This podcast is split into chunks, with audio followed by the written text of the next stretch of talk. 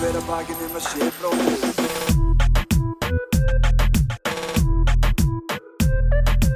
Bera hver að bakinn um að sé bróðir eigi.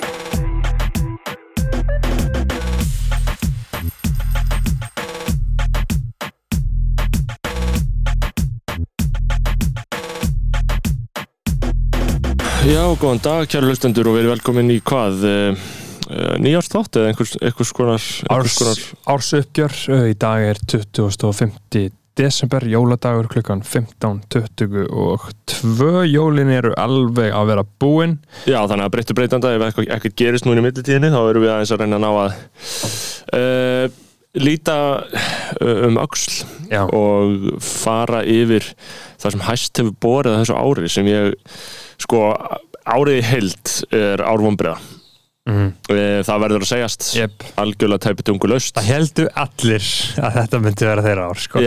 Sást ekki mými þarna þarna uh, everybody was calling 2021 bara I see no one saying 2022 gonna be my year. Nei, það er sko að því að Það er enginn búinn að kóla árið. Það er það sem sérst, er sérstætt við vombriði er að þau í raun og veru sko ekki aðeins er maður þá svektur yfir því tiltekna atriði sem maður vænt, hafi væntingar um og hefur brúðist heldur drepur þetta líka hæfileikamanns tímabundi til þess að vona eitthvað annað. Þannig að þetta er tvíekja sverð sem er núna verið að snúa inn í maganum á okkur og við erum að reyna að komast í gegnum jólinn í slíku ástandi. Basically. Það er enginn að tala á jákvæðum nótum þannig að við ætlum ekki að gera það heldur uh, en það eru auðvitað alltaf ástæð til að gleðjast og heyrðu, talandi um ástæð til að gleðjast þá var ég að lesa uh, leiðara morgunblasins uh, frá því í gær þar að segja 24. desember þar sem á að vera að minna fólk á mikilvægi kirkjunar og svo framvegis Einmitt. og þar var verið að vísa í viðtal við Svein uh, Valgesson sem er sóknarprestur í Dómkirkjunni þar sem hann var að segja að daginn væri tekið að lengja og Svein benti á að skilabóð kristninar inn í þetta ástand væru vonin. Vonin sem byrtist í því þegar Guð gerist maður og síndi að maðurinn á skjól hjá Guði, jafnvel þótt farið sér um dimman dal eins og Steinur myndi á, það var ekki ástæðlega óttast neitt ílt. Og ég held, að, ég held að þetta sé alveg rétt að maður þarf að hafa vonina og ég hugsaði þegar ég las þetta, já, þetta er alveg rétt, maður getur náttúrulega ekki alveg bara grotna niður í vonleysi, sko. Nei, nei. Eh, Þetta munlagast, þetta verður betra og við verðum flott, Það- við verðum sterk, að við verðum sterk, við verðum sterk á ný og öflug. Næsti sumar það lítur að Við vera verðum sterk og öflug á ný, það verður öflugt. Það uh, getur bara ekki annað verið sko talandi um uh, presta og messur, þá fór ég í messu í morgun Já, í hérna, uh, katholsku kirkjuna Mhm. og það voru rosalega vonbrið já, ég get alveg séð það fyrir mér. Ég lappaði þarna inn, tilbúin að fíla þetta fokki mikið Var þetta á íslensku? Ég, þetta var íslensku, Já. já.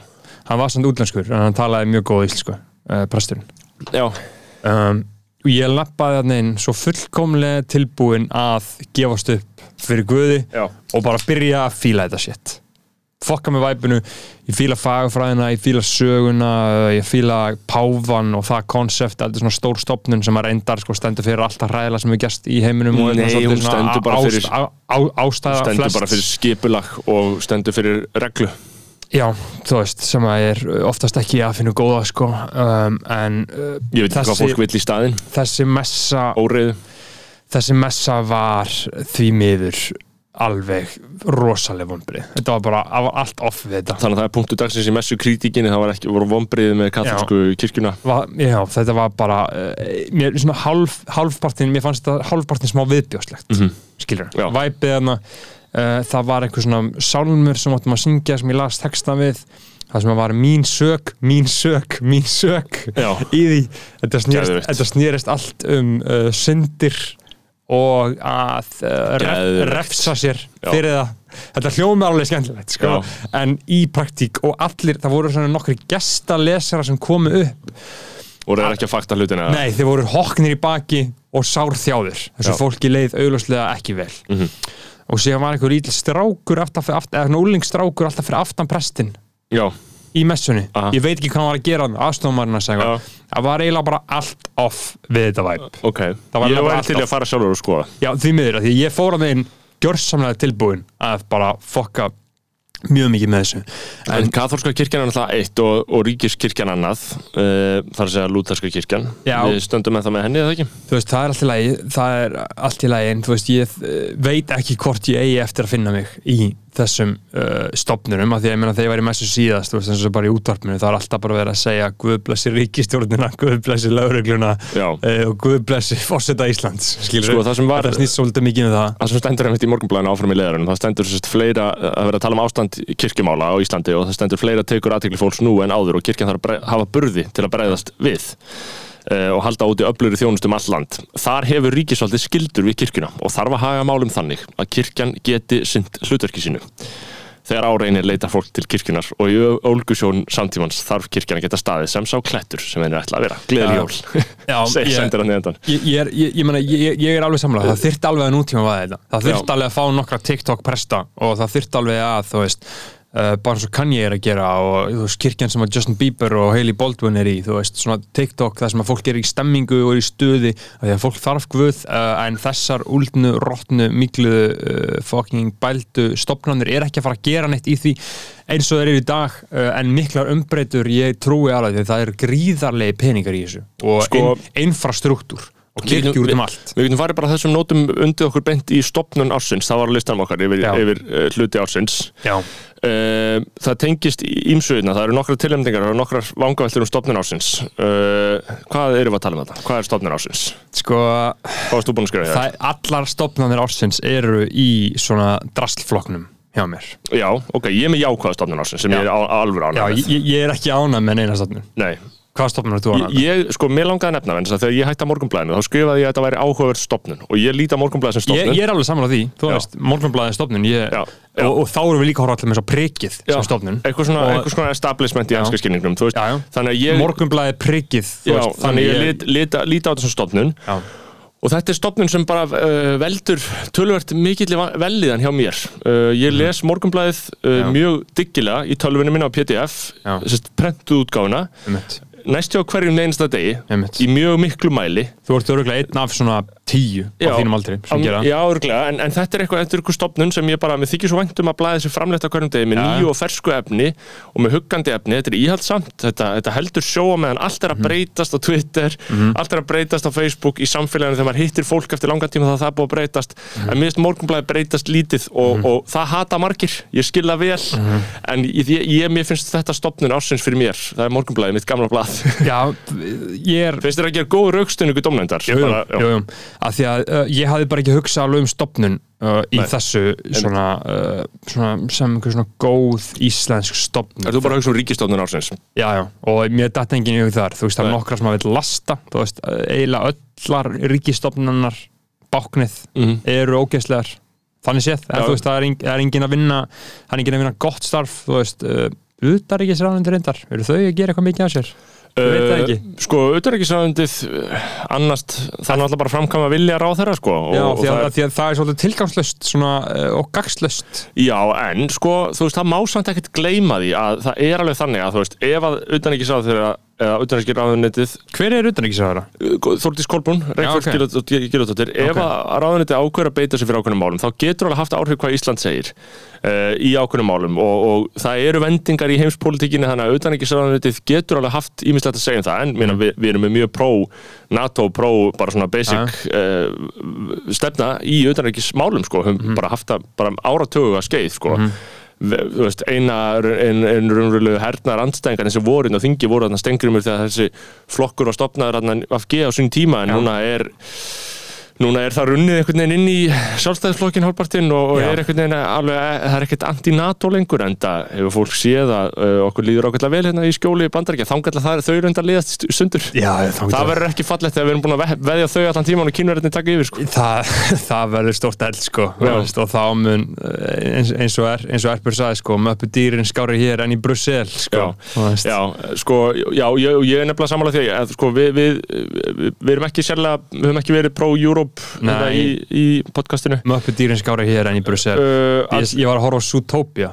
Hefur, þú hefur ekki séð, hefur séð það á mig Jú, ég sé mómentið þegar Te teiknumindir, hefur séð báknir Já, já, báknið. Þetta þegar slothið er Já, það, það, Það var, sko. það finnast það sem ég hef séð á æfuminni uh, þetta Ég er alltaf að horfa þetta þegar friðin Gæðu vitt kvot þetta já, leik. já, þetta er Zootopia Disney mynd það sem að teikna mynd Slothið, googliði bara Zootopia sloth og Já. þá sjáu þið mjög fyndna senu já, mjög finna sinni af sko bákninu og svampinu Já. og sloth að vinna hjá DMV þetta var ókessla myndi Sko, uh, en stopnin ársins, þú veist dómsmálaráðanendið, rattin festet ókesslegt uh, umhverfis ráðanendið, skæm allt Já, sko, að ráðunnitir er alltaf ekki stopnæri sko, ráðunnitir, eða jú, þau eru stopnæri en þau eru svolítið svona, ef við tökum svona aðeins breyðara svið eins og sko þú veist, við höfum talað fyrir því að uh, á, á, áfengis og tópasvæslun ríkisins er lögð niður.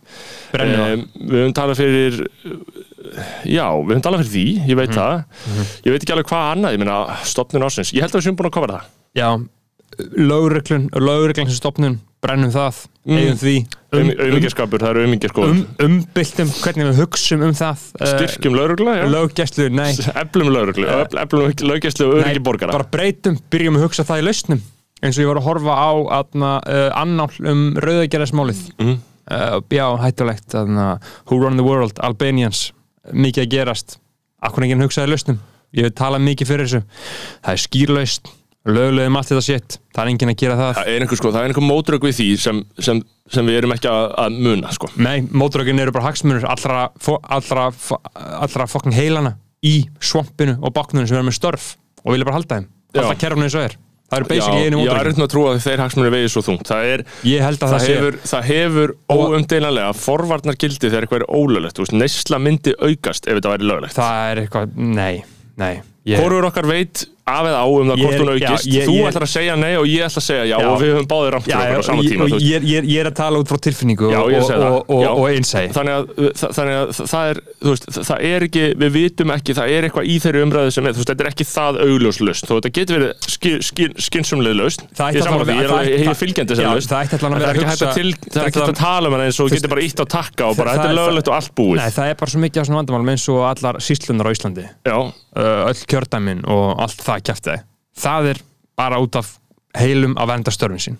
Já, og ég held að mörg saminning sveitafélaga. Já, samanleik sveitafélag gaf myndi einfalda það sem að Híðan Unstenssonar berja, berjast fyrir. Það er verið að reyna að gera meira meira því. Já, og, en- og en- ríkistjórnin er fylgjandi saminningu sveitafélagana, það er, það er verið að kera það í gegna þessu en þa kjörtambili. það, það stoppar allt út af svona stöfi. Og ég held að mjög mikið af vandamálum í einhver svona stjórnsýslu kjæftæði sem að uh, ég nenni ekki að kynna mig til fulls að að ég veist það rosalega óáhugavert. Sé nákvæmlega þetta bara Já. fólk að vernda störfin sín uh, og hafa fínt Já. og vera að græða miljón á mánuði bara fyrir að vera slothar Já, en það, já, það gera það allir náttúrulega. Það er verri, verri allir. ég, ve ég veit það, ég veit það, ég veit það en þú veist þess að það er bara einhvern veginn að kortvarpa því uh, veginn. ok, f- f- næsti flokkur. næsti flokkur uh, sko, s- s- stofnir ársins einn stofnir enn sem við getum svífirt uh, rúf Mm. það er ekki staðið sem velja ár Nei, ég myndi ekki segja það. þau eru búin að taka ell Við erum búin að taka skattpenningan okkar. uh, þau sameri segraði rúf. Þau, þau, þau verndið þá ekki? Skilja? Já, sko, ég, já, það er, það er, atna, það, er allavega þau hafa tekið högg allavega, Rúf hefur tekið högg á þessu ári og, og trúverðuleika högg myndi ég segja. Já, ég segi það nú ekki. Ég, ég veit ekki alveg, þú veist, hvað langt ég gengi því en þau eru, atna, ég meina fréttastofa stöða 2 er einu upplöðast af fréttastofa landsins og vísir og bylgjan og uh, og þú skinnjað það alveg á væpi uh, af því að þú talaði starfsfólk. Það er það sem skiptir máli þú talaði starfsfólk og spyrir hvað er þetta Mhm. þú talaði fólk sem vinnur á vísi. Sem er á gólunum þú og Ótti Mm. og fleiri. Bara já, veistla, við erum, að, við kera þetta í gang. Það er stuð, það er stemming. Þú talaði hvert sem er á rúf og allir segja hú, mm. og allir svona hú, pústa Já, það er einhver, er erfist ennarkan sem ég vona að batna, að þetta er mikilvægt vonaði, stofnun ég vonaði innilega. Já. ég vonaði innilega. Uh, og þess vegna er þetta upp, uppbyggileg gaggrina því Já. að ég raunverulega vill hag rúf sem mestan.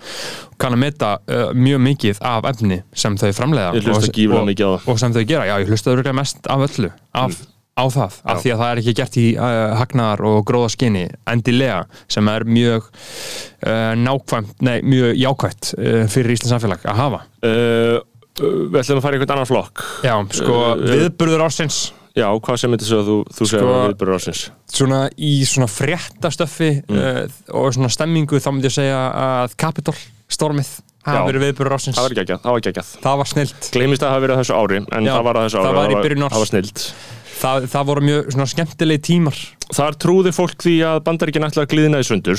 En uh, Demokrautum hefur nú tekist ágætlega allavega út af við að líma brotin saman, myndi ég segja út af við. Uh, það er að segja, þú veist núna upplifir maður þetta ekki sem jafn klopna þjóð maður heyrir einfallega minna af Nei, þessu ég meina að þau bara þöggu niður í Trump Já, Tók hann. þau slögt á Trump og samfélagsmiðlunni slögt á Trump Já. uh, Helsta ógn sem stæðir okkar samfélagum í dag eru Facebook og Twitter og þessi fyrirtæki Já, Ég er eiginlega samfæður um það ég, Já. ég held að engar mannlega tilfinningar geti verið hættulegri en svona vald sem þetta fólk hefur sko, Mhm. þú veist.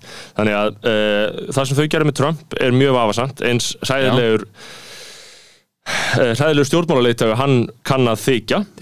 Eh, hann er mjög íhaldsamur, hann er afturhaldsamur Já, já. og hann hefur mjög, mjög vafasamar skoðanar ímsu Mhm. en eh, hvernig var farið með hann og þöggunin í líðræðslu umræðinni er, er mjög vafasum Já. á þessu ári, það var slögt á hann Já, þeir tók hann og þögguðu niður í honum.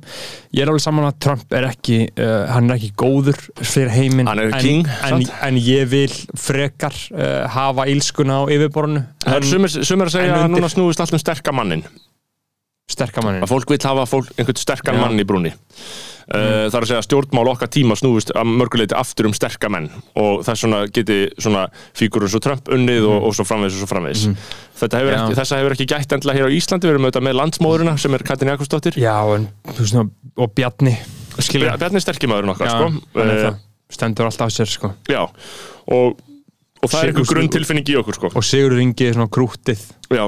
Það en líka þú veist þegar á, bjá, á bjátar þá er það sterkumæður Já, en þau ná samt svolítið að spanna þetta allt Já. svona Já. uh, allt, all- allt sem við þurfa Uh, en viðburður ásins Kapitólstormið Já, ég myndi sammála segja það uh, á Íslandi var það reyfið uh, 3. júli 2021 Mhm. uh, í Guðunesi það var guðdómleg uh, og líf mitt er fyrir og eftir þennan viðburð þannig að ég mun, þetta var á 26 ára afmælstæmin 3. júli ég ég, uh, ég var að reyna að hugsa um sko partí ásins þetta er veintilega partí ásins Þetta er þér. partí ásins, það er ekki spurning sko. ég, mér dætti ekkert í hug.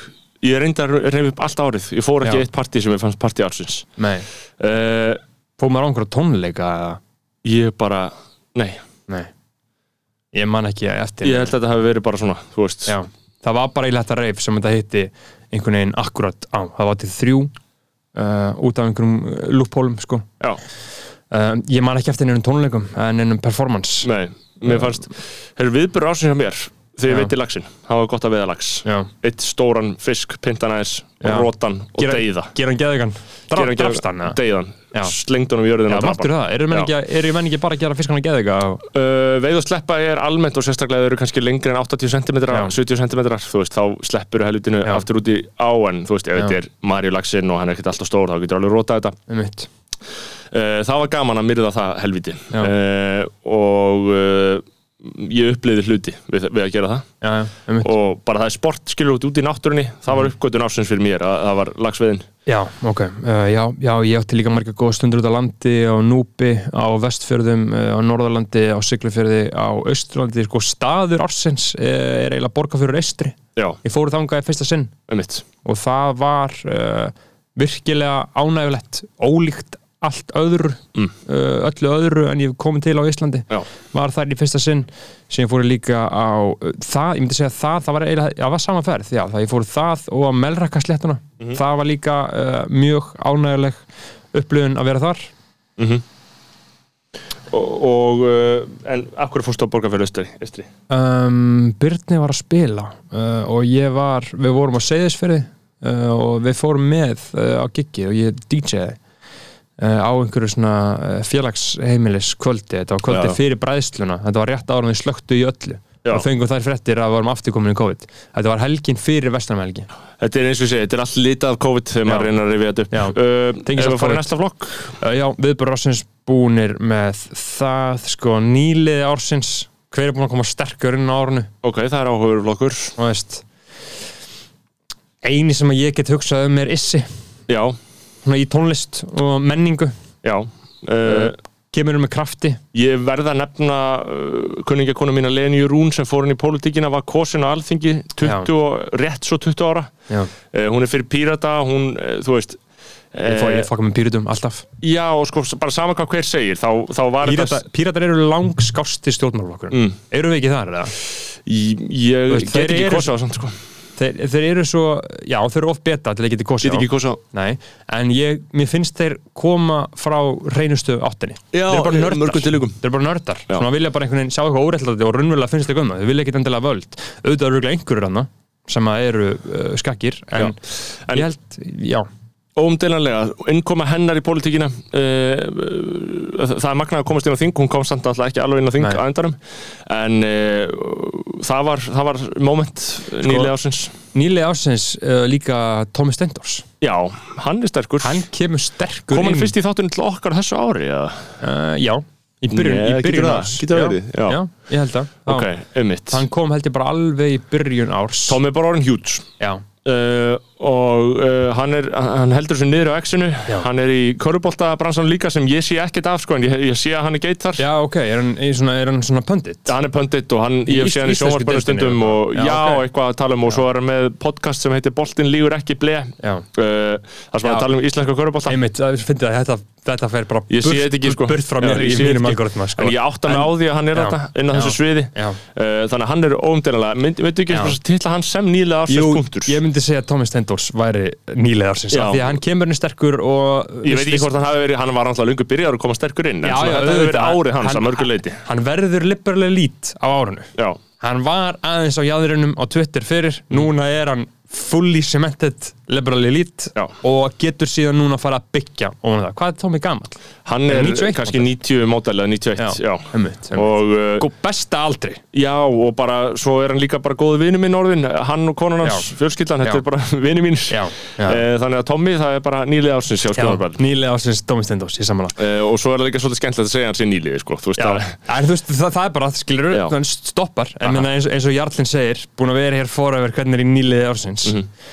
um, fleiri, voru einhver svona íslensk tónlistavelun eða eitthvað svona kjæftæði í dag, það er alltaf einhver nýliði ársins þar sem ég bara kjæftæði já, nei, Já, ég veit það var ekki haldið. Nei, það var ekki haldið, ég manna ekki uh, Stjórnmálaflokkur ársins uh, Jú, það var haldið og var eitthvað mótgöðum, var eitthvað raunir verið þetta, ég man ekki, Já, um einmitt, ekki það einmitt, einmitt. Ég held að við höfum talað um það í löngum áliðinu podcastinu hjá hann, sko, ég Já, já, já, við minna það, þetta var eitthvað drast Eh, Já, já, her, herra talaði um það að, uh, Aron Kahn tapaði einhvern mann Já, hann var óana með það. Aron Kahn og herra voru tilumdur á saman tíma og, og auður, auði vann. Mhm. uh, og þá var hann að tala einsku og engi vissi hvað það var. Mm. gott, að uh, Sko, stjórnmálaflokkur ársins? Stjórn, ég, ég er ekki með stjórnmálaflokk comment, ásins Mér veist þetta bara sársöki ársins er að Smári komst ekki inn Já. að sósilistar uh, náði ekki manni inn Það var allan að líka veist, hefði Gunnar Smári komist inn á þing Mm. þá myndi ég, það væri eitthvað skemmtilegt í gangi það Já. væri verið að hreyfa við einhverju það væri verið að tala um eitthvað en og það væri verið að tala um á skemmtilegan hátt Það moment, einhvern veginn sína hvað Íslendingar eru ekki tilbúinir til breytinga Þetta er Nei. íhaldsamt þjóðfélag Já. Við höldum þessu um frjálslind og svona En þú veist, þetta var bara svona nei, já, nei að það kom mér mjög óvart, þetta Já. kom mér verulega óvart. Svo hef, þó að maður hefði séð þetta strax í byrjun kostningabaratuna Það var bara, þau höfðu bara svo mjög sorglegt og Eh. ég með mikið saminskupið uh, yfir þessu. Já. ég mun kjósa Gunnar Smára aftur eftir fjör ár. Vonlega hann haldi áfram. Sko, lag ársins. Já, lag ársins. Ég var, sko, það, það er alltaf mjög mörg lög ársins. Já, sko, En ég, sko, Volví með Aventura og Bad Bunny Það verður að vera Já. Lag ársins hjá mér. En heiðursverlun fær lagið Kona með Kára Stefánsinni og Hjálmari. Já, Það er frekar epíst stönd. Ég veit ekki hvort þú hafi hlustað þetta lag. Mm, ég sá fréttina ég, uh, Kári sem sagt skrifar yrki Já. kvæði þegar Já. konan hans fellur Já. frá.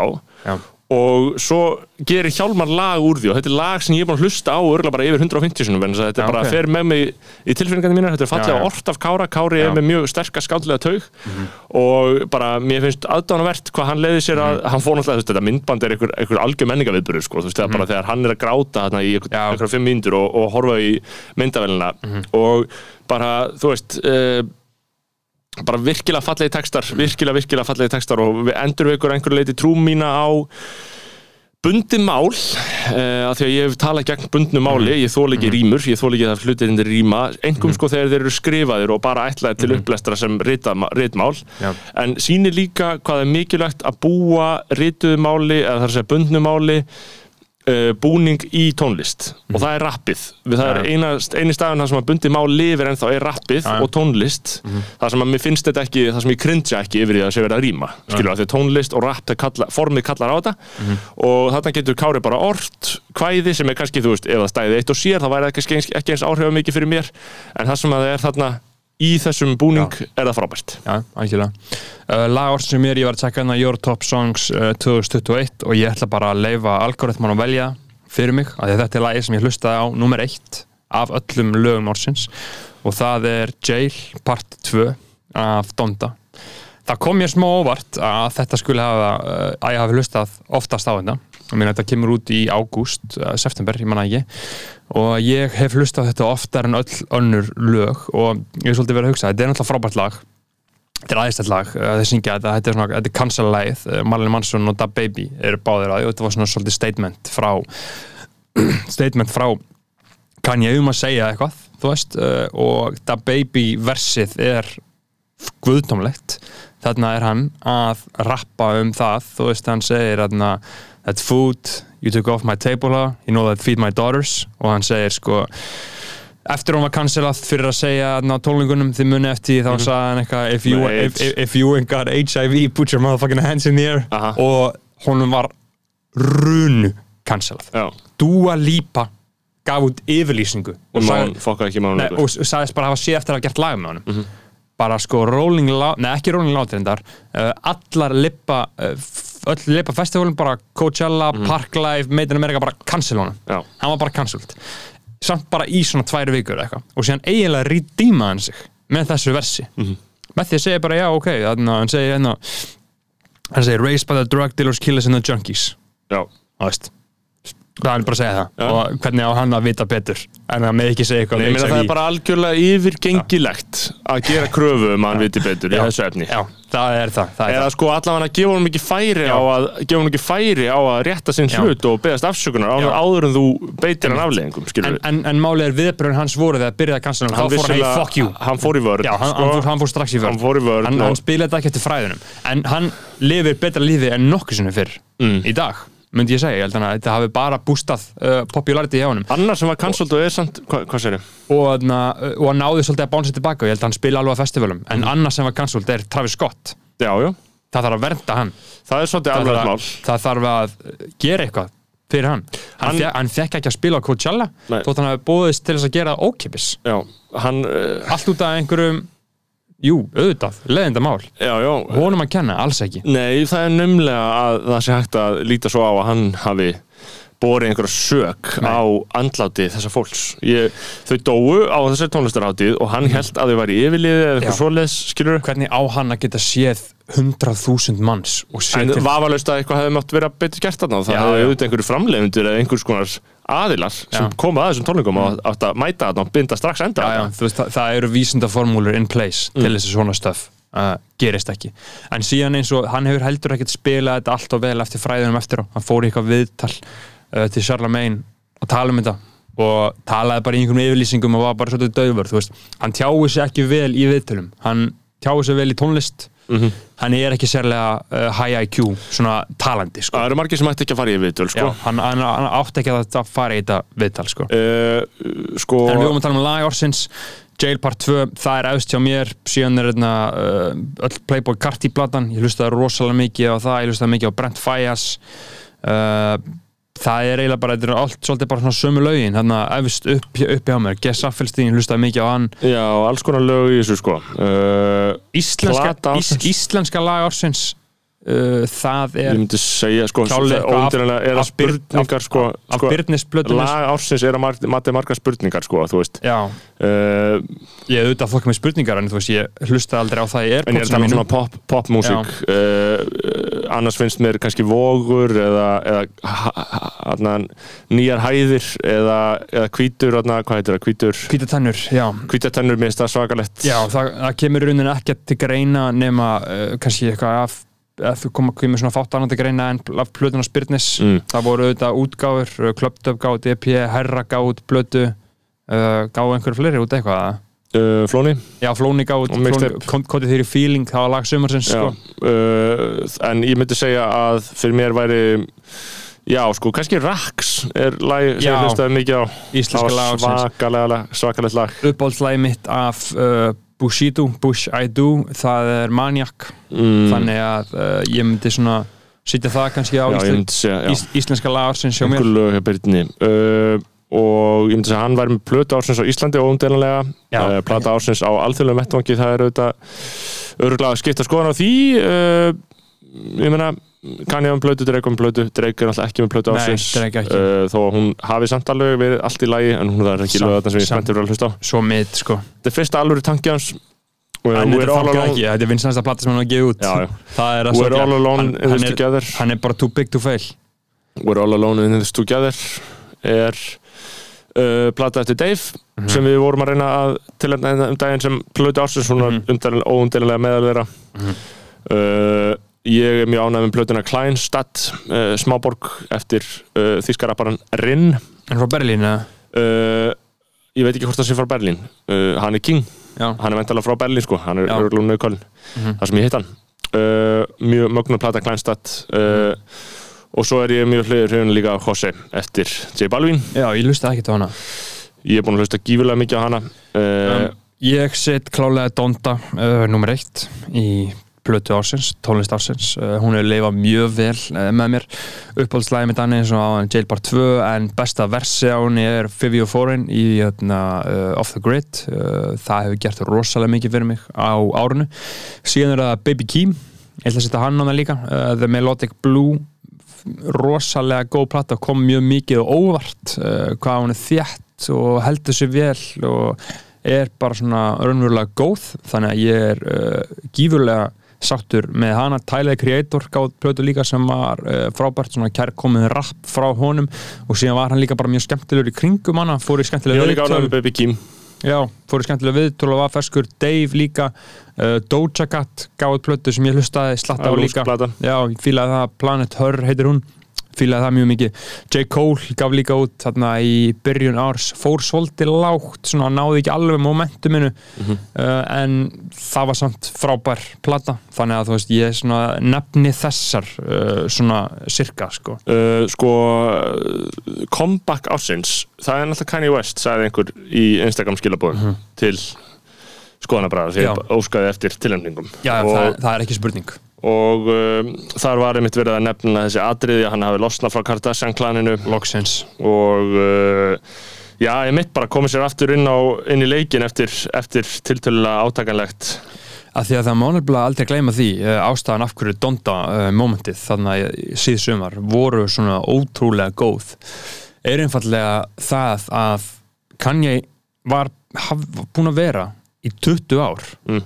Pluss að gera þetta sitt Mm og hafði aldrei verið jafn kaldur. Já, nei, einmitt. Sumarið 2021 áður en að byrjaði Donda já, þá var hann í fristikistunni já, já, fólk var að byrja að efan hann. Var búinn að, hann sér fram til fosseta búinn að fara í nokkar gettara búinn að vera bara mjög tæpur uh, svona, fólk var ekki alveg að kaupa þetta svona uh, þetta trú, þessa, þessa trúar uh, uppgötun hjá honum. Það var bara einhvern veginn ekki að stikka. Ég held að ég hafi alltaf staðið með honum gegnum Já. allt, ég ætla að lega mér að trúa því og því að kannski efast um hann af og til, sérstaklega þegar hann var svona grátandi að tala um fókstureyðingarnar og þú veist, þá var hann svolítið hellaður sko. uh, en ég held, ætla að lega mér að segja að ég hafi alltaf staðið með honum. Um, en síðan kemur hann tilbaka. Fucking í gullformi. Anna kompakássin sem ég verð að nefna er uh, Biggie Lögga uh, gaman að sjá hann stíga aftur inn á svið. Já, ég, hef ekkert voru varfið hann. Uh, Biggie Lögga er komin aftur af því að hann dróð sig úr sviðsljósi fjölmjöla á sínum tíma eftir að hann hefði lent í alls konar uh, rifrildum á netinu. Uh, en ég hef verið að reyna að tala um að hann sé að koma tilbaka og fólk hefur ekki alveg tekið eftir honum en ég hef tekið eftir honum. Ég hef ekki tekið hann er sannlega komin aftur. Biggie Lögga er og er komin að byrja að aftur tjá sig og gera status Já, hann hefur verið að skrifa greinar uh, og farið viðtöl Já. og leggja árið belg jafnvel um mjög umdelt mál. Já. Þannig að Biggie Lögga, hann er að koma aftur. Hver Comeback hefði ársins. haldið? já, ég veit ekki hvort við þurfum það sko. Ég sko. uh, ég myndi ekki segja Ég það man sko. ekki alveg akkur hætti í umræðinni en Nei. hann ekki, var ekki lengur í umræðinni í smá tíma maður, Eh, maður er mjög fljótur að gleyma sko. um, sko, sjónvalstættir og kvikmyndarsins uh, ég, Já. ég ætla að segja sko, kvikmyndarsins veist, ég horfði ekki á mikið af nýjum bíómyndum í ár Nei, ég það var einhvern veginn uh, ekkert fyrst að ég var í bíó, ekki bíó í gangi almennilega uh, bransinn svolítið stoppaði uh, þannig það sem ég vil nefna er versta manneski heimi, uh, worst person in the world. það er besta svona myndin sem ég fór á í bíu og man ég lappa út bara vá, því líkt mestarverk hún er eftir Jóakim Trier, norskan leikstjóra og það nær svolítið svona að kjarna okkar samtíma, þetta er svolítið fjallar um það svona hver þú ert og hvernig hún er langt og hvernig annað fólk horfir á þig í þessu svona, þú veist, hvernig fólk finnur skömm. Þú tala við þig í partí, svona já, ég er að gera þetta, þetta, þetta. Hann þeim tilfinningum rosalega vel uh, í þessari mynd. Jóakim Trier er hluti af Oslo, þríleiknum hans uh, ég hef einmitt fór til Oslo uh, í oktober og horfði á hina tvær Oslo myndinar og það eru geggjaðar, þetta er svona svolítið svona norskur Woody Allen sko, svona in- intellectual, svona hugvísenda uh, stemming í, í gangi í þessu sko, sem að ég, ég, ég fíla rosalega mikið. Þannig að það er klálega uh, kvikmynd ársins hjá ég, mér. kvikmyndarsins, ég er eiginlega blanko þar sko. Já. Ég er bara, þú veist Ég er bara, veit ekki hvað ég myndi segja. Nei. Leikrit ársins, það voru, tvö, það voru nokkur sterk leikrit sem ég fór á árun Já, óumdeinlega. ég Ég fór á Rómi og Júliu ég, fór, ánægður ég, með hana. ég, ég fór tvisvar Ég fór á síningu, síningu að Bjartur er maður ársins Já. uh, í skoðanabræðara í universinu. Já, er það Já, Við fóktum það. Um ég mjög Ég myndi Já. standa mjög vel í það. Hann er enda árið vel í tennis. Já, Sjátt á þetta hann Mhm. uh, og Svo fór ég á uh, sýninguna okkar með Jóhanni, Jóhanni og Tatjunu. Uh, og svo fór ég á Þjættingur Hryggðar með, sem Dóra og. Unna, Dóri og Unna gerðu. Mhm. uh, það allt í raunverulega góðar leiksýningar að vísu hjá sko, fólki sem þekki en sko, að kolfinu var líka á árunu var það á árunni? Já. Nei, Jú, það? ég held að, ég held að það veri februar það var besta leikrið ársins. Það var leikrið ársins. Uh, The Last Kvöldmáltíð The Last að var árinu. Og að mínum mati Hún kom í þáttinn Já, alveg óumdeild sýning ásins The Last Kvöldmáltíð, alveg frábær sýning Já. uh, Þannig að mikil, það er mikil gróska í íslensku leikhúsi í Já. ár Hver hefði haldið? Hver hefði haldið á þessu síðustu verstu tími þegar verið að læsa fólk inni enginn laust? Já, ég er Uh, alveg saman Ég fór á allar þessar sýningar sem að uh, þú nefndir sem fór líka á Ástu, bara núna fyrir tveim vikum með eitthvað. Mhm. uh, Þar sem að uppáhaldsleikara minn uh, fer með stórleik. Já, Hákon, Mhm. Lobster, Jónesson frábær leikari. Já, frábær leikari. Ég hef ekki séð, sko, ég hef ekki séð Ástu, ég hef ekki séð Bubba. Þetta er bæði verk. Já, ég fór að. Ég fór að bubba rétt fyrir COVID sko. Og það var mjög fínt, en miðin kostar 70 skall það kostar eitthvað absúrt sko. kostar hann 17 þú? E- Nei, kostar hann 9 þú eitthvað svona kæft það sem ég heyrði einhvern tala um Já, sko. en ég menna þú veist, við borgum bara fyrir menningum já, já, uh, þannig að leikrit ársins uh, Ok. The Last Kvöldmáttíð sem voru mörg góð líka sem við nefndum uh, sjómast þáttir, þættir ársins það er bara Succession Já, já, það auðvitað. auðvitað það er þriða serían var æðisleg Modern Day Masterpiece uh, og og ég raun og veru allir engum er, fólk hefur verið að segja orðið eins og farsi uh, og það er alveg rétt og það er gott. Já. þetta er allt Og- mjög gott. og það sem ég fór að hugsa því ég skrifaði tvo aðra þætti hérna, uh, það er uh, White Lotus Sammála. líka, það var frábært og, já, og uh, Can't Get You Out of My Head Já, það. serían hans Adam Curtis. Já. og allir þessi þættir eru svolítið að fjalla um í rauninni það sem við erum að kljást við uh, sem samfélag og sem alheimur. Hvar liggur valdið, uh, það er ósynlegt uh, það fer, hvernig náðu fram breytingum? Það er ekki hægt, þú getur ekki breytninu vill fólk breytingar? Að segjast vilja, vill það í rauninni? Við vitum það ekki, allir þessi þættir eru í rauninni svolítið að spurja uh, þessara spurninga, svona nákvæmlega hvernig þetta er gert og þú veist, í Can't Get You Out of My Head það er heimilda þættir sem í svona ég talaði heldur um Ad- Adam Curtis í síðasta brælastætti það sem að að hann notar svona gamalt footage uh, frá BBC, hann er svona arkivisti og sakfræðingur og kvikmyndagermaður hann vil ekki ráta fjalla, hann vil ekki ráta kalla sig artist eða journalist, hann segist bara vera movie maker og historian og þarna útskýrir sagt, í þessari serju Can't Get You Out of My Head, þetta eru átta þættir uh, bara svona í rauninni hvernig valdið sem að við búum við í dag uh, býr til. Og það sem hann segir líka sem er svo gott sko, sagan sem að við þekkjum bara sagan okkar, sagfræðin það er sagan sem að valdhafar hafa ákveðið að segja okkur já, já, það er sem að hendar okkur. Sigurverðin skrifur alltaf söguna. Já, og, en mér finnst þetta aðeins sterkara sko, enn sigurverðin skrifa alltaf söguna. Þetta er, bara, þetta er bara sem að þau hafa ákveðið að segja okkur og skrásetja og sjá til þess að verði allstaðar af því að þau hafa valdið til þess að gera það. Sko, ég fekk alls konar tilnefningar frá bræðarleginu sem ég orðaði spurningar greinlega eitthvað heimskulega í stóriðinu sem ég setti Já, þegar ég var að veist, þá fólk, fór fólk bara komið hugmyndir að flokkum og ég hef engar þú veist, Já, að flokkum af einhver ásins þú veist Bara lesa allt upp, eða? uh, þú veist það er afsökunarbeðni ársins, stjórnmálaflokkur ársins plata ársins, Busito segir einn sem er rétt skoðanir Já. ársins uh, skoðanir ársins, Íslensk lag ársins við erum búin að gera það, uh, myndir ársins uh, White Tiger, Dune, já tweet ársins, The Body Shakes are unmistakable já, jú, vissulega, Já. það var frábært en svo bara eitthvað, þú veist uh, slaufaðir ársins uh, verður ekki the apologies, jú. Uh, þú veist, þetta er allt svona nokkuð almennt og það, það voru náttúrulega uh, margar afsökunarbeðnir issueðar á Uh, þetta var ára afsökunarbeðna Já, og, og, ég treysti mér ekki og eiginlega ekki að fara að dæma þær í ótta við að gera lítið úr já, svona inntakinu og við, við vorum afsökunarbeðinni ásins Við- við- myndi segja að hún Já. ásins Hún að hún var mjög vel tók okkur off the hook. Já, hún var mjög Uh, vel skrifuð og gekk mjög vel. Uh, að gera svona afsökunarbeðni er ekki Uh, djók, það tók, tók fjóra-fimm tíma. Röntgen skemmtistæðar ásins segir einn Og uh, mikið til í því. Er, Erfitt ár fyrir skemmtistæðina Prikið, Röntgen og Átó Þetta eru mín Já. staðir Og Já, ég flakkaði á milli þeirra Með, með fjölbreyttum hætti gegnum árið sko. Uh, Mikki Refur líka. Það Mikki er enda það- líka það- minn staður. Það hefur komið stert inn sko. Og náttúruvinnið. Uh, Sko, Reif ársins Það er náttúrulega þitt dót. Já, buksur, uh, að vera aftur á næsta ári maður. Vá, Já. hvað ég laka til. Og uh, það er mitt verið að tilnæmda þetta buksur sem reyf ársins. Svo er þreytasta spurning ársins einn. Uh, og hún er fannstu þennan? Um jarðskjaldana, rankar frekar hátt um viðkomandi, fannstu þennan? ég sammála þessu. Og mér fannst mér finnst að mörguleiti fréttamál ársins finnst mér, eða ekki fréttamál ársins en mér finnst að þannig ákveðin lærdómur í fréttamáli ársins sem er eldgóðs út af Reykjaneska. Það byrjaði í ár, það var í mars 2021 uh, held ég. Byrjaði, jarðskjaldin, eða ekki? Jú, ég held að hann hefði byrjaði í ár. Og maður kíkti og fór að skoða þetta og við höfum verið að fjalla um þetta, ég hef mikið að fjalla um þetta bara í vinnunni, eldgósið á mismundu tími, mismundu samingi, hvort það sé að byrja, hvort það sé að hætta, hvort það sé annað að byrja og hvort það sé að breytast og framvegis. Og uh, mér fannst uh, þetta sína að mörguleiti hvernig venjulegir fréttamillar virka.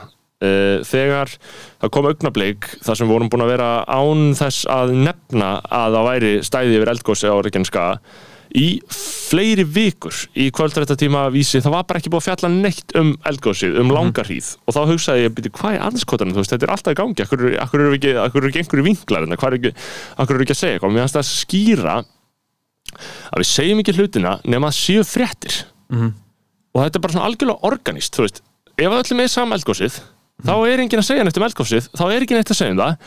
Og þetta svona er ákveð svar við þessar spurningu sem fólk kemur alltaf að manni á, á gasinu á djamminu kemur til hérna og segir, akkur eru þau ekki að fjalla um þetta sem hefur verið að gerast mjög lengi sko, jú, það væri ágætt ef einhver myndi gera heimildaþátt um litla fucking piece of shit drastli sem þetta segjum við um, tala um um en þú veist, þetta er ekki frétt ég Nei. fjalla alltaf hlutina eða eru fréttir Það þurfa að vera átök uh, og það þurfa að vera Nei, það þurfa líka bara að vera eitthvað að breytast Já. eitthvað þarf að breytast, Og það það þarf að vera þarf- einhver frásögn og það skilurðu. þarf að vera einhver með og einhver á móti Já. þannig séð þú og veist. það er bara, minnst þetta bara sína eldgósið við föllum ekki um mar marga mánuði það var svona svolítið frétta Mhm. tengt uh, moment uh, og jarðskjaldandi fannst það þennan, já, ég fann ekki mikið af jarðskjaldum Nei, ég fann, fann reyndar einn feitan aðan ekki ég, ég fann eiginlega í sofanum, í sofanum, ég var að horfa á Holiday uh, klára á Holiday.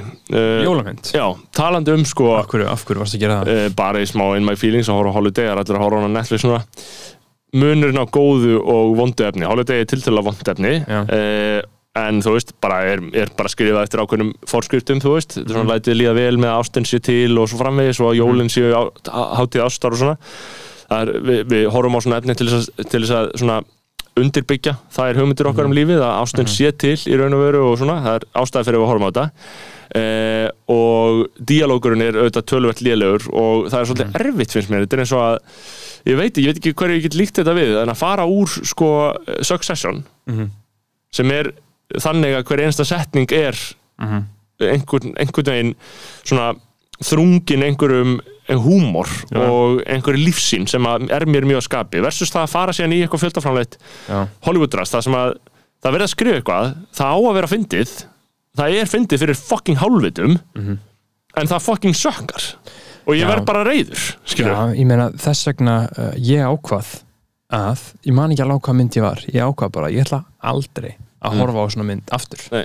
Ef þú veist ert að fara að horfa á drasl eins og Holiday, Já. þótt að ég veit ekkert um þessa mynd, ég veit bara hún er drasl. Já. hún er það, þú ert að segja mér það núna. Aha. kemur ekki óvart, En hún er falleg sko. Bara hætta því. Þetta er svo Notting Hill, Notting Hill er góð. Hún er mjög falleg. Já, ég fílaði hann ekki sko. Nei, út, en, út af þessum ástæðum skilur. Já, já, díalógurinn, þú veist En, en, En sí- það sem ég hugsaði, bara Akkur er ekki til myndir eins og Succession? Akkur er ekki til efni sem er en Það, það leikur með tilfinningarnir manns á réttan hátt En Já. er samt gott? Já, Skilur, þetta er svo pirrandi þessar myndir. Af því að það er bara mjög erfitt. Og til dæmis í Succession, það sem er að verka á þig er miklu dýpara en bara díalógurinn þú heldur að sé díalógurinn, en það er sagan skilur, þú veist, það er spennan Já. og það eru átökin og það er dramað og það er að þú þekki hvern einasta karakter og ert að ímynda eitthvað hann er að hugsa. Heilin þinn, af, ástæðan af hverju Succession er svona ótrúlega gott og allir sem elska, elska það svona mikið, er að því að þú hugsa svo ógeðslega mikið sjálf, þú ert að leysa gátnar þú ert allan díman í innri díalógum þínum að hugsa þessar hugsa þetta, þessar var ekki þetta, út af því að þú ert komin svo djúft inn í heiminn og djúft inn í karakterin og þekkja á svo rosalega vel að þú ert farin að 2 plus 2 er jæmt á spurningamarki þú ert farin að reikna þetta út sjálfur og málið, það sem að drasl gerir er að það lætur þið ekki gera þetta Nei, nei. og eh, þetta er spurning hvort þú fílar þetta er smá bara eins og hvort þú fílar að er ekki að gras eða verið edru viltu, viltu finna fyrir einhverju eða viltu bæla? Já. þetta er bara, þetta er rosa svipað þannig að horfa á vondefni og léttefni og þetta er ekki allt bara í dílókunum þetta er í succession, þetta er í þessari spennu og þetta er einhvern í, í stemmingunni eins og þú veist, ég kom heim í gær og fór að horfa á þarna Eftir, fyrsta myndin í þunglindi stríleiknum hans Lars von Trier Já. hann gerði uh, þrjár myndir um þunglindi sitt og þarna og ég bara, horfði á fyrstu 20 mínútur og bara, að, megið ekki, akkur núna skilur, megið ekki akkur núna, þetta var of svona og þar var spennan, það var ekki dílókunni, það var einhvern veginn spennan og ógeð og sem að ég bara, ég held ég væri skapið fyrir, Já. en síðan var ég það alls ekki, að ég var mjög þunglindur og held að ég myndi vilja horfa okkar mjög þunglindislegt til þess að gera mig enn þunglindari og finna fyrir því en það er ekki alltaf hannig, skilur stundum viltu líka bara fara í eitthvað, þú veist. Þa- þá horfum ég bara á Seinfeld. Það voru búin að ná- utan þætti og mynd ársins. Uh, Mæli með White Lotus fyrir þá sem við hefum ekki hort á. Já, það er, það er frábært sko. uh, Sko, skúrkur ársins. Uh, á- áður en að klára með þetta sjónvarsniti sko, þá, hérna, þá er podcast ársins hjá mér, Red Scare og það fjallar eiginlega svolítið um þetta saman sem ég var að tala um þetta vald, sko, breytingar og breytingar ekki og bara svona rosalega stóru djúpu spurningar, þessi þeir þættir uh, Succession og White Lotus. Náttúrulega stelpunar í White Lotus uh, Sidney Sweeney og hinn leikonan uh, ég man ekki hvað er heita dætunar, bara gellunar í White Lotus, þær eru byggðar á Red Scare uh, hóstunum Uh, hann gerir það Mike White sem skrifar og leikstýrir uh, White Lotus. Hann hefur gert eina sériu áður sem heitir Enchanted uh, sem ávist að vera mjög góð. Laura Dern leikur aðhaldverkið ég þarf að tjekka á henni, hún er búin að lista hjá mig lengi. Aftur að tjekka á henni, en þetta er svona byggð á byggt á þessum þessari Dushy og Önnu sem að stjórna Red Scare podcastinu. Og Dasha leikur líka í Succession. Þannig að hennar ára og hennar pælingar og vibe er svolítið svona yfir öllu, svona, hún er svolítið svona Zeitgeist King í dag.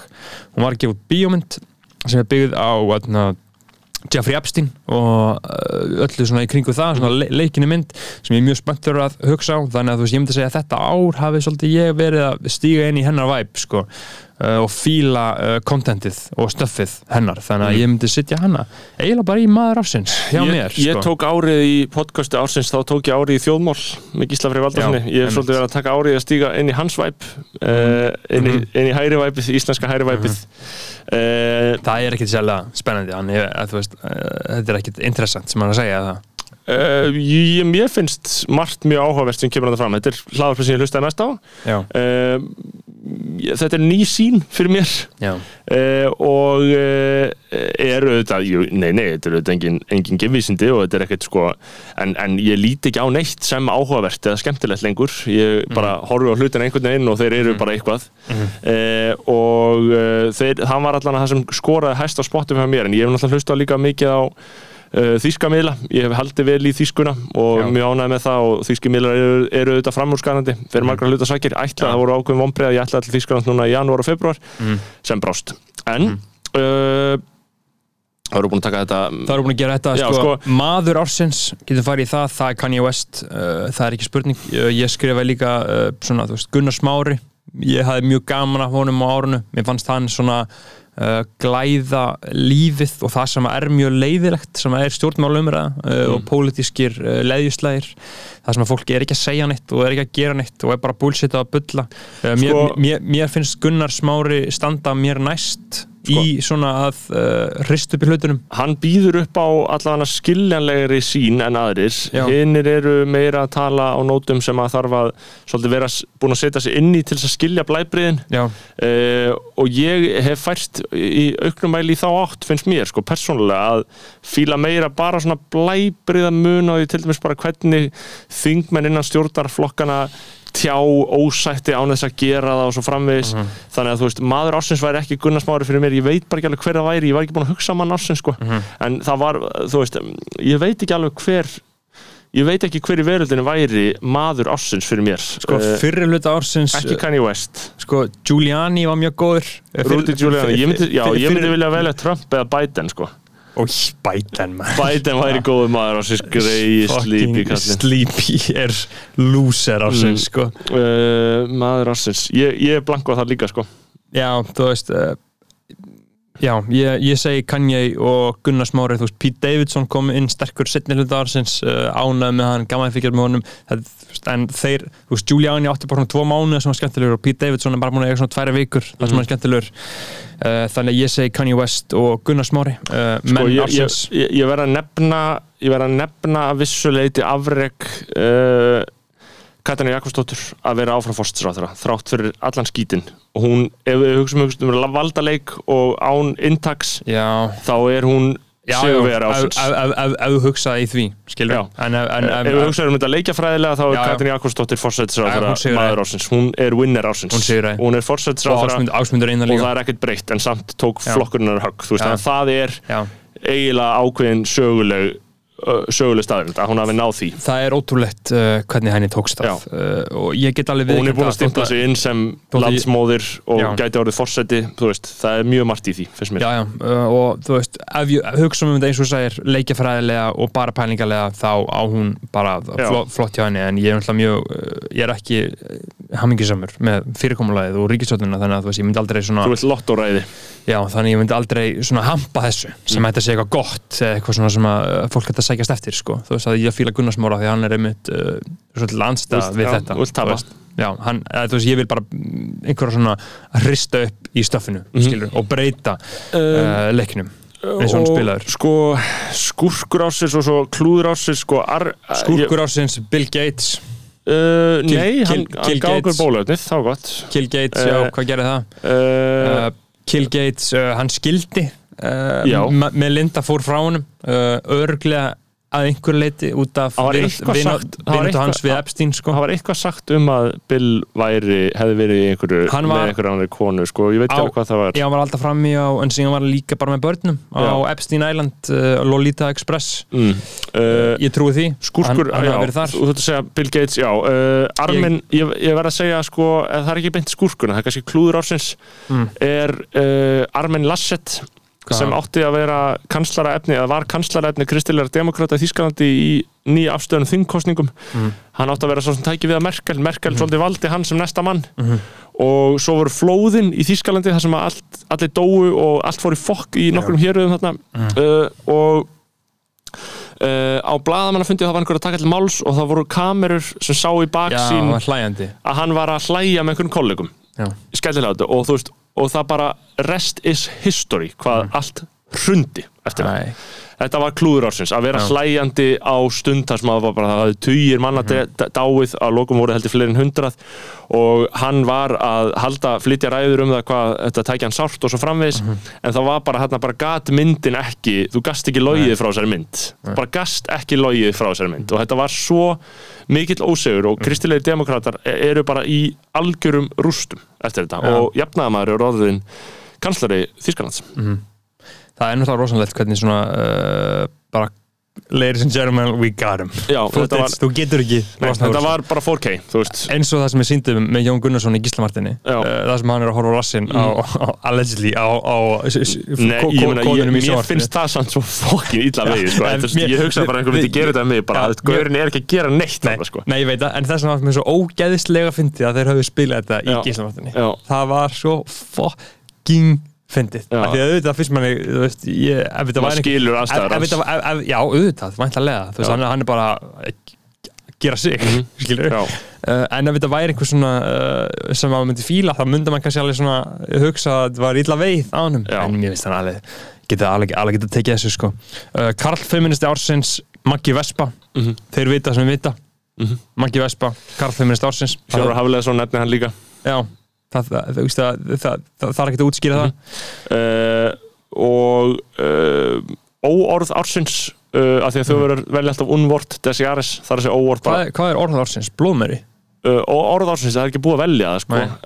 það var alls konar blóðmeri, örfuna, skamtur sótt kví ja, fáci, þórulur, víður og orð ársins finnst mér tvinur. Tvinur, tvittir vinur.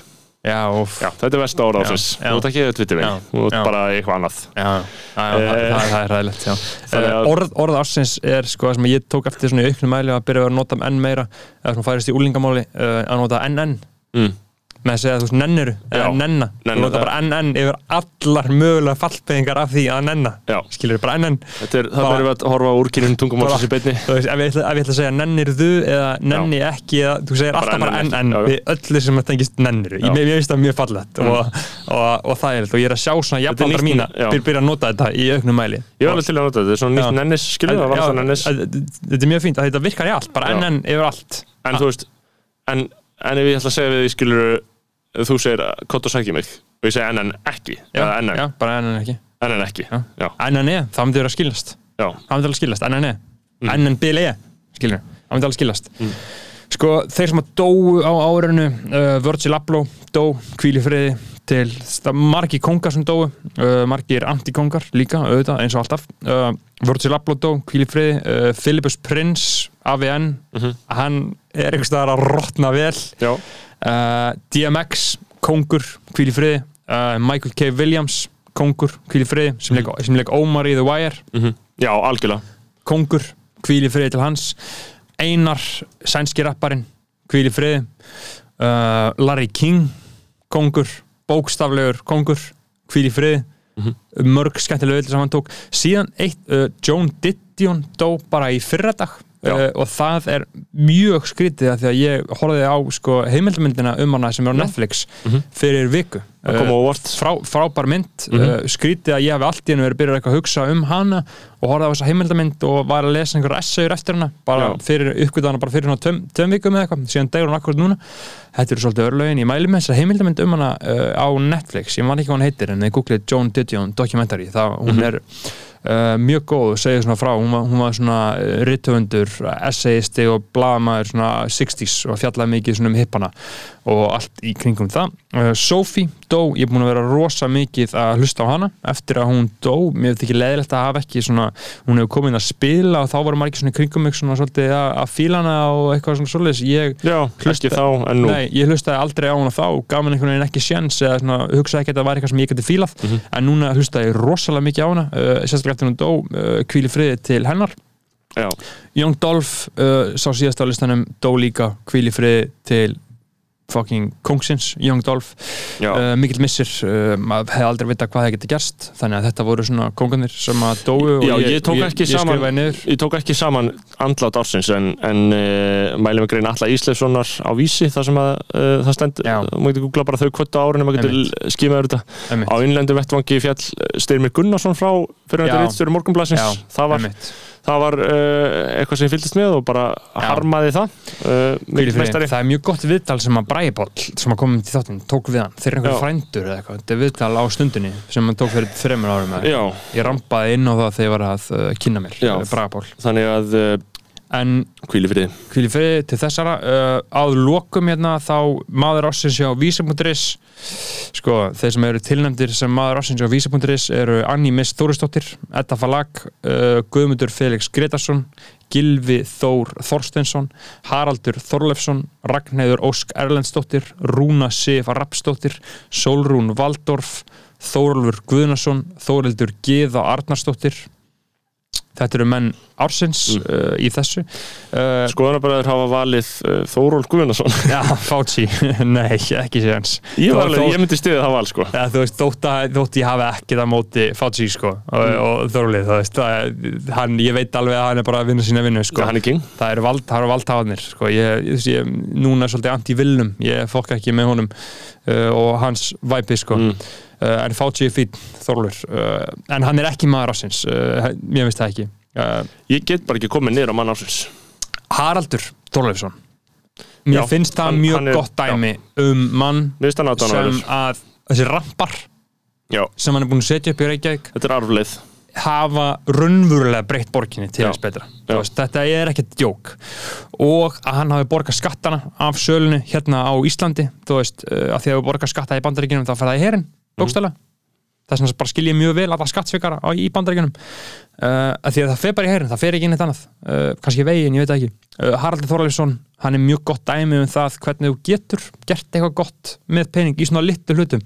Ég trúi tölvert meira á eitthvað svona enga framtang eins og þetta en að, ég veit ekki, gefa einhvern stórum fucking Bill og Melinda Gates Foundation peningin sem að bara bullshit eitthvað Þetta er bor- nýstárlega nálgun á þetta Já, og bara svolítið take og skemmtilegt að gera þetta úr einhverju svona pjúr átt af því að vanalega þegar eitthvað svona gott kemur upp, Mhm.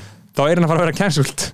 Já, ég, ég, ég, ég, ég myndi alveg samþykja á honum sem manni ársins. Hann, En ég meina, þú veist, Já, þú en, veist. en, en þetta er náttúrulega bara maður ásins sko, úr sko, vísis uh, Já, já, tilnefnunum sko. uh, Guðmundur Felix, það er til kommenturum að segja hann sko, ég, ég sko, hef gjörsamlega ekki opnað eina frétt neitt þetta er, Þetta er maður sem fekk á sig grættar, á sig hendur uh, í Fraklandi í sögulega velhæfnari aðgerð uh, eftir að hafa mistar fyrir 20 árum þegar hann fekk raflost þegar hann var að vinna. uh, og af hverju uh, elskar allir svona mikið að hann er bara mjög mikil húmoristi og skemmtilegur og tekur Já, þess já. að mikil, mikil jafna að geði Já. og hann er bara algjör king sko. ok, það er ekki hægt að hata hann eitthvað þannig að hann verður valinn einhver stað verður hann Já. valinn maður ásins og ég held Já. að í öllu popular vótið þá mun hann landslæta já, öllu ég, sko. ég, ég sé það, mér, finnst það af það, því að sko. ég er bara að því að maður stúrnar á þekki það bara, ég þekki það bara ég, ég fjalla um hann á ýmsum veist og að- lesnast upp lagna bara vegna þess Já, að fólk finnur, að það er eitthvað byrta í honum sko. já, já, það er frábært Hope, já. það Uh, er bara æðislegt. Uh, eru við búin að ná þessu? já, maður ársins hjá Time er möskarinn. King, geða þetta val uh, það er náttúrulega mjög áhvert að þau skulu velja hann. Mm kemur óvart kemur á óvart. Ég menn, hann hefur átt viðbröður í þetta ár samt, þú veist, hann hefur verið að gera ímislegt Já, já, algjörlega og þeir bara eftir svona hugmyndafræði hvort þú fílar það sem hann gerir eða ekki. Uh, Áhugavert sko Time var líka með hérna, Reader Pól mm uh, og þar fáum við topp 5 lista. Við fáum engan shortlist hverju er hugsað um sem uh, mannesku mannesku ársins uh, en þeir sem að eru fyrir valin í uh, nummer 1 það var Jair Bolsonaro. Ok, hann var maður ársins. Ok, ég var enda, mér finnst geðveitt ef hann væri maður hjá, ásins hjá, hjá Lesendin Time. Hann Ég myndi alveg setja Greenwald hann uppi líka einhverstaðar, sko, hann er king. Já, Greenwald er kongurinn, hann hefur verið mjög sterkur Mm. uh, st sterkur á þess ári um, síðan nummer tvö hjá nummer tvö hjá Time mm uh, þá er Trumparinn. Já, í lesendum. Uh, nummer þrjú er Frontline Healthcare Workers og nummer fjögur er Alexei Navalny. Dýrka að, að framlýnu starfsmenni heilbriðist þjónustu séu nummer þrjú. Já, já, það er mjög gott sko og Bolsonaro og Trump síðan á undan sko. Og síðan er fimmt uh, eru vísindamenninir sem að uh, helped develop the life-saving COVID-19 vaccines. Life-saving, uh, er nokkuð fjallar ekki með eitthvað eitthvað gott gefing gangi á sér? Jú, sannlega hlökkum til að uh, taka nokkuð fjallar, hann er næsti gestur í þáttin, við erum að taka þann þátt upp 30. Uh, desember. Ég held að við séum búinir að fara yfir árið svona þannig séð Kæri hlustandi, uh, segir vinnum ykkar að fara á Patreon og fylgist þið grann með að því að uh, nýjar aðgerðir uh, skoðanabræðar að verða kynntar fyrir árið 2022. Smá breytingar á starfseminni, einföldun og bætingar og Epic. Við erum mjög spenntir að kynna það. Við gerum það örugglega bara einhvern veginn í næsta þætti eða eitthvað, eitthvað njótið uh, ormótana og, og, og já, reynið að skemmt ykkur um áramótin Já, uh, Ég ætla að byrja virkar tengingin hérna jeans. Yeah. Thousand dollar jeans. já, lag ársins. I just lost my motherfucking thousand dollar jeans. Rex, Rex, Rex. Mm-hmm. Yeah, yeah, yeah. Ég kom með póka, settu Rexy Á fullri ferð ég er eins og taxi Bestu vini, við erum besties Rættið eins og jetski Ég kom með póka, settu Rexy Á fullri ferð ég er eins og taxi. Bestu vini, við erum besties. Rættið eins og jetski Þau segja please, please, please Pull up OMG, kiki Ég gef vandi í, í, í. Gæla mínu, please, please, please Les ekki tís, tís, tís Allt og heitt í flýs, flýs, flýs Svo mikið please, please, please Please, please, please, please. Louis Fubu, Fendi, Prada. Ég með þetta á mér alltaf. Við lærum að því að tapa Mjög góðir, mjög slæmi dagar Ég er að hugsa um hvítan kjól, hugsa um hvít og Hún er að hugsa um þetta dót, vantar nýtt strók Sagði um að skora hvað sem er því þú með skýrt gól. Derhúa og hvíti skór, vantar dýft sjól Vill ekki tala um dóp en það svo mikið dóp til. Fáðu þið dóp og láta streyma út í blóðið. Þið getið hergt eftir mér en það laust um bróðir. Ég bjóð til prototípuna, ég bjóð til flóið. Og tópi að pussi alveg eins og krókita Ég smóki þetta ekki, ég tek því rólega. Ég er hundra kílómetri í burtu og hún hljópi þetta Læt þess að sé allt í lagi, ég Norður Kórea Kobe, Obi-Wan Kenobi Trópi á ódýrt, OG Chernobyl OP-ar og ekki prótín Ég mókli homie, heima horf á My Little Pony. Juice Goji, flowið mitt þeir lít á Kobe. Ég kom með póka, settu Rexy. Á fullri ferð ég er eins og taxi. Bestu vini, við erum besties. Rættið eins og jetski Ég kom með póka, settu Rexy. Á fullri ferð ég er eins og taxi. Bestu vini, við erum besties. Rættið eins og jetski